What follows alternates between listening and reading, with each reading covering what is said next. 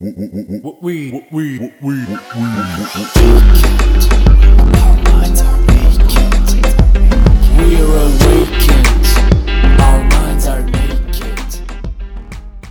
svima, ja sam Martina Đokić, a vi slušate podcast Mentalni nudista. Nalazimo se u epizodi broj 55, sezone 2.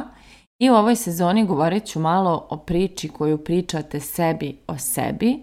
odnosno koja je neka verzija vas postoji u vašoj glavi, da li ta verzija uopšte može da dostigne neke stvari koje vi želite ili je ta verzija puna nekih ograničenja i nekih uslovljenosti i nekih nemogućnosti zbog kojih neke zamišljene stvari nisu baš rezervisane za tu verziju vas. Um, to u koju priču pričamo o sebi o sebi je definitivno jedna od važnijih tema jer ta priča koju mi sebi o sebi pričamo predstavlja zapravo skup raznih uvjerenja koja živimo, a koje su često zaista bazirana na nekom iskustvu nas i naše porodice, najčešće primarne, a onda ako nismo uspjeli potpuno da se razvežemo od te priče koju nosimo kroz generacije, ona i dan danas onda na neki način oblikuje i diktira našu sadašnjost i ta priča, e, da kažem doslovno, rukovodi time kakve ćemo rezultate ostvarivati i kakvu ćemo verziju života živjeti. E sad, ajde da prijeđem na, na primjere, na, na to kako, zašto, šta to znači. Recimo, vjerujem da ste svi nekad vidjeli, čuli, a možda ste i sami e, imali priliku da kažete za sebe ili je neko rekao za sebe da je veliki borac. I to je jedna priča koju sam ja sama sebi o sebi pričala da sam ja jedan veliki borac jer sam svašta nešto prošla u životu i ja sam snažna, ja sam borac i za mene je to bilo nešto jako, jako pohvalno i nešto što je na neki način meni davalo neki osjećaj samopouzdanja i moći u svim tim nedaćama koje sam prolazila. I onda bih eh, s ponosom pričala o sebi da sam borac, sa ponosom objašnjavala zašto to tako mislim i to je bila neka verzija mog života i moje realnosti i moje istine koju sam ja konstantno ponavljala, odnosno to je bila priča koju sam ja sebi pričala o sebi. I onda se desila jedna situacija gdje sam ja na radnom mjestu bila, kada sam ušla u taj LP svijet i bila sam na radnom mjestu i pričala sam s jednom koleginicom koja je tada već bila trener, a ja sam tek zakoračila jeli, u, u, u taj svijet. I pričala sam o tome kako sam ja veliki borac, a inače eh, NLP je skraćenica za neurolingvističko programiranje, gdje ovo L lingvističko zapravo označava na koji način jezik, koji, odnosno riječi koje koristimo prikazuju neko emocionalno stanje ili na koji način utiču na naše emocionalno stanje. Tako da je lingvistika jedan veliki dio NLP-a. I ja tako pričam, ja borac, borac, borac. I u nekom trenutku kaže meni koleginica zašto mi je toliko važno da budem to, da predstavljam sebe kao borca, pa rekao zato što sam ja svašta prošla i to što sam borac i meni omogućilo da ja sve kroz sve to prođem, da ja ostanem jaka, da ja uspijem, da ja istrajem, da ja ovo, da je ono. Ali ona meni kaže, a dobro, a šta treba borac da ima da bi bio borac? ja rekao, pa kako to misliš? Pa kao, kako borac potvrđuje da je borac, kroz šta? Pa kroz borbu. I onda, e, to je ono što je cijela poenta,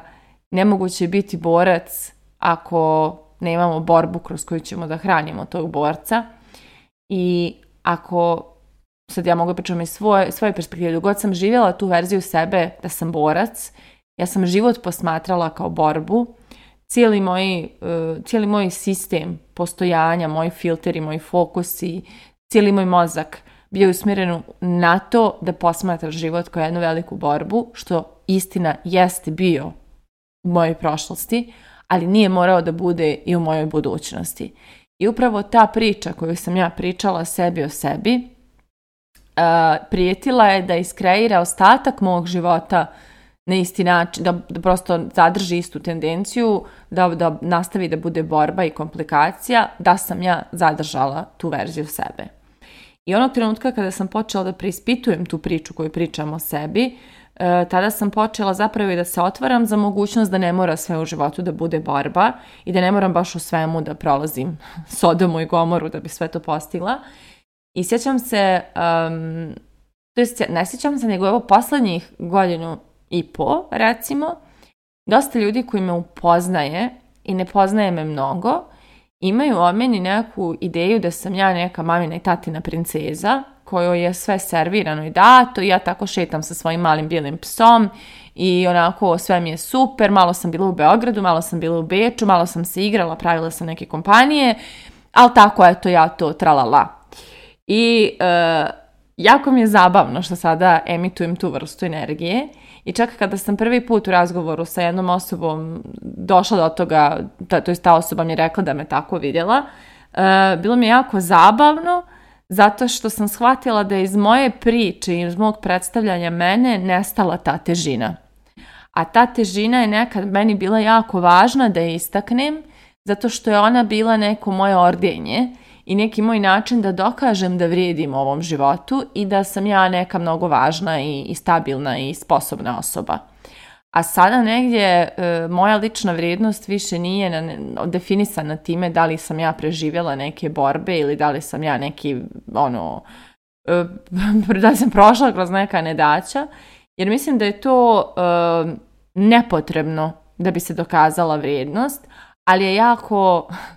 zaznuto, kada prolazimo kroz neka nedaća da ne pronađemo utjehu u tome da upravo to može da pokaže koliko smo sposobni, značajni, važni, vrijedni i sve ostalo. I onda ja prva sam požaljala u nekom trenutku da se razvežem od te priče koju pričam sebi o sebi i da prestanem da živim život u kojem moram sama da gradim sve i moram da prevazilazim razne izazove da bi sve što ja gradim imalo neku moćnu priču neku, neku vrijednost i dokazalo koliko sam ja jedna sposobna osoba i e, sve više gravitiram ka tome da pričam sebi priču o lakom životu u kojem je sve moguće u kojem zaslužujem sve što poželim bez obzira na to koliko se oko toga cimam i bez obzira na to moram li da dokazujem da sam dostojna toga nečega. I onda eh, otvaram se zato da mi neka rješenja dođu, a da ih ja prihvatim obe ručke bez da se osjećam manje vrijednom zato što to neće potvrditi jer je lako rješenje da sam ja neka mnogo E, mnogo posebna i mnogo sposobna i mnogo moćna, pa sam sama sebi to riješila, nije mi tek tako palo na glavu e, i, i bilo lako. I upravo, mislim sad malo sve ovo karikiram, ali poenta je zaista da razumijete da priča koju sebi pričate, jako je važno provjeriti je o sebi. Ko ste vi? Da li ste vi borac? Da li ste vi neko ko je snalažljiv? što to znači? Mora se snalazite stalno. Da li ste vi neko ko gura? Ko uvijek sve umije da izgura? Znate šta je guranje? Znači, koliki je to napor. Znači, koju ste, evo, potencijalno negativnu, pošto navodim negativne zato što njih treba mijenjati, ako imate pozitivne priče, držite ih se neka ih, ali koju ste neku negativnu metaforu iskreirali za sebe u svom životu i sada tu metaforu živite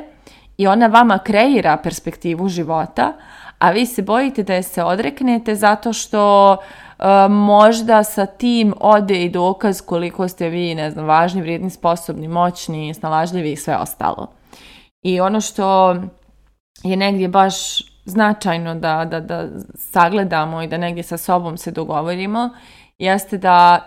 ta vrsta metafore i dalje podrazumijeva zavisnost od spoljne spoljne validacije, odnosno toga da neka, neki koraci koji se spolja vide moraju da prikažu da li smo mi nešto vrijedni i važni, a to je onda već nešto što treba da se definitivno iscijeli. I e, postoji dakle mnogo, mnogo nekih e, priča koje ljudi pričaju sebi o tome da su lijeni ili netalentovani ili da oni, nisu, da oni brzo gube interesovanje za nešto ili da ne znam, znači koju god tako neku vrtite perspektivu na sebe i uvijek je spomenete u nekom razgovoru o sebi, e, ako je nepovoljna i ograničavajuća,